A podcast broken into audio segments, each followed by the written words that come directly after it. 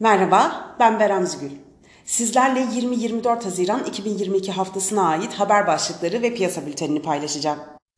Yurt dışı major borsaların ayı piyasasına girdiğini düşündüğümüz için tepki yükselişleri oluşsa da satış fırsatı olarak kullanılmaya devam edeceğini ve düşüş trendinin FED sıkılaşmaya devam ettikçe orta vadede süreceğini öngörüyoruz. Yüksek enflasyonun devam ettiğine işaret eden zayıf ekonomik verilerin resesyon endişelerini güçlendirerek borsalarda satış baskısını arttıracağını öngörüyoruz.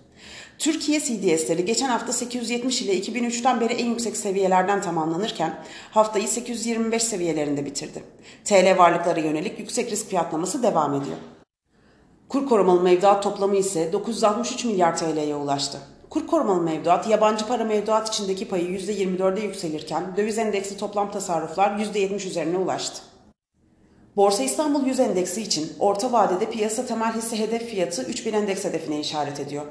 Borsa İstanbul için kısa vadede en önemli riskin enflasyon endeksi ürün çıkartılması ya da kur korumalı mevduat tavan faiz oranının makul yüksek bir orana güncellenmesi olduğunu düşünüyoruz.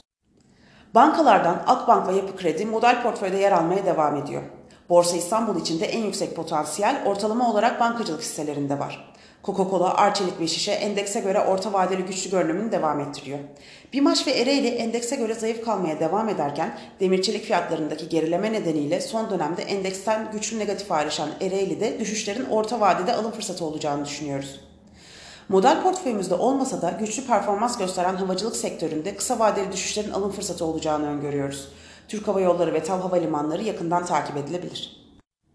Endeksin yeniden 2510 altına gerilemesi durumunda tepki yükselişlerinin zayıf kalması ve 2470 seviyeleri ilk hedef olmak üzere bu seviye altında satış baskısının 50 günlük hareketli ortalamanın geçtiği 2440 seviyelerine doğru güç kazanmasını bekliyoruz.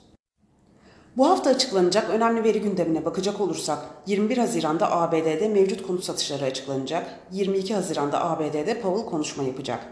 23 Haziran'da Almanya'da PMI imalat endeksi ve PMI hizmet endeksleri açıklanacak. 23 Haziran'da Türkiye'de Merkez Bankası faiz kararı, 23 Haziran'da ABD'de haftalık işsizlik maaşı başvuruları açıklanacak. 24 Haziran'da Türkiye'de kapasite kullanımı ve ABD'de yeni konut satışları verileri açıklanacak. Kazançlı bir hafta dileriz.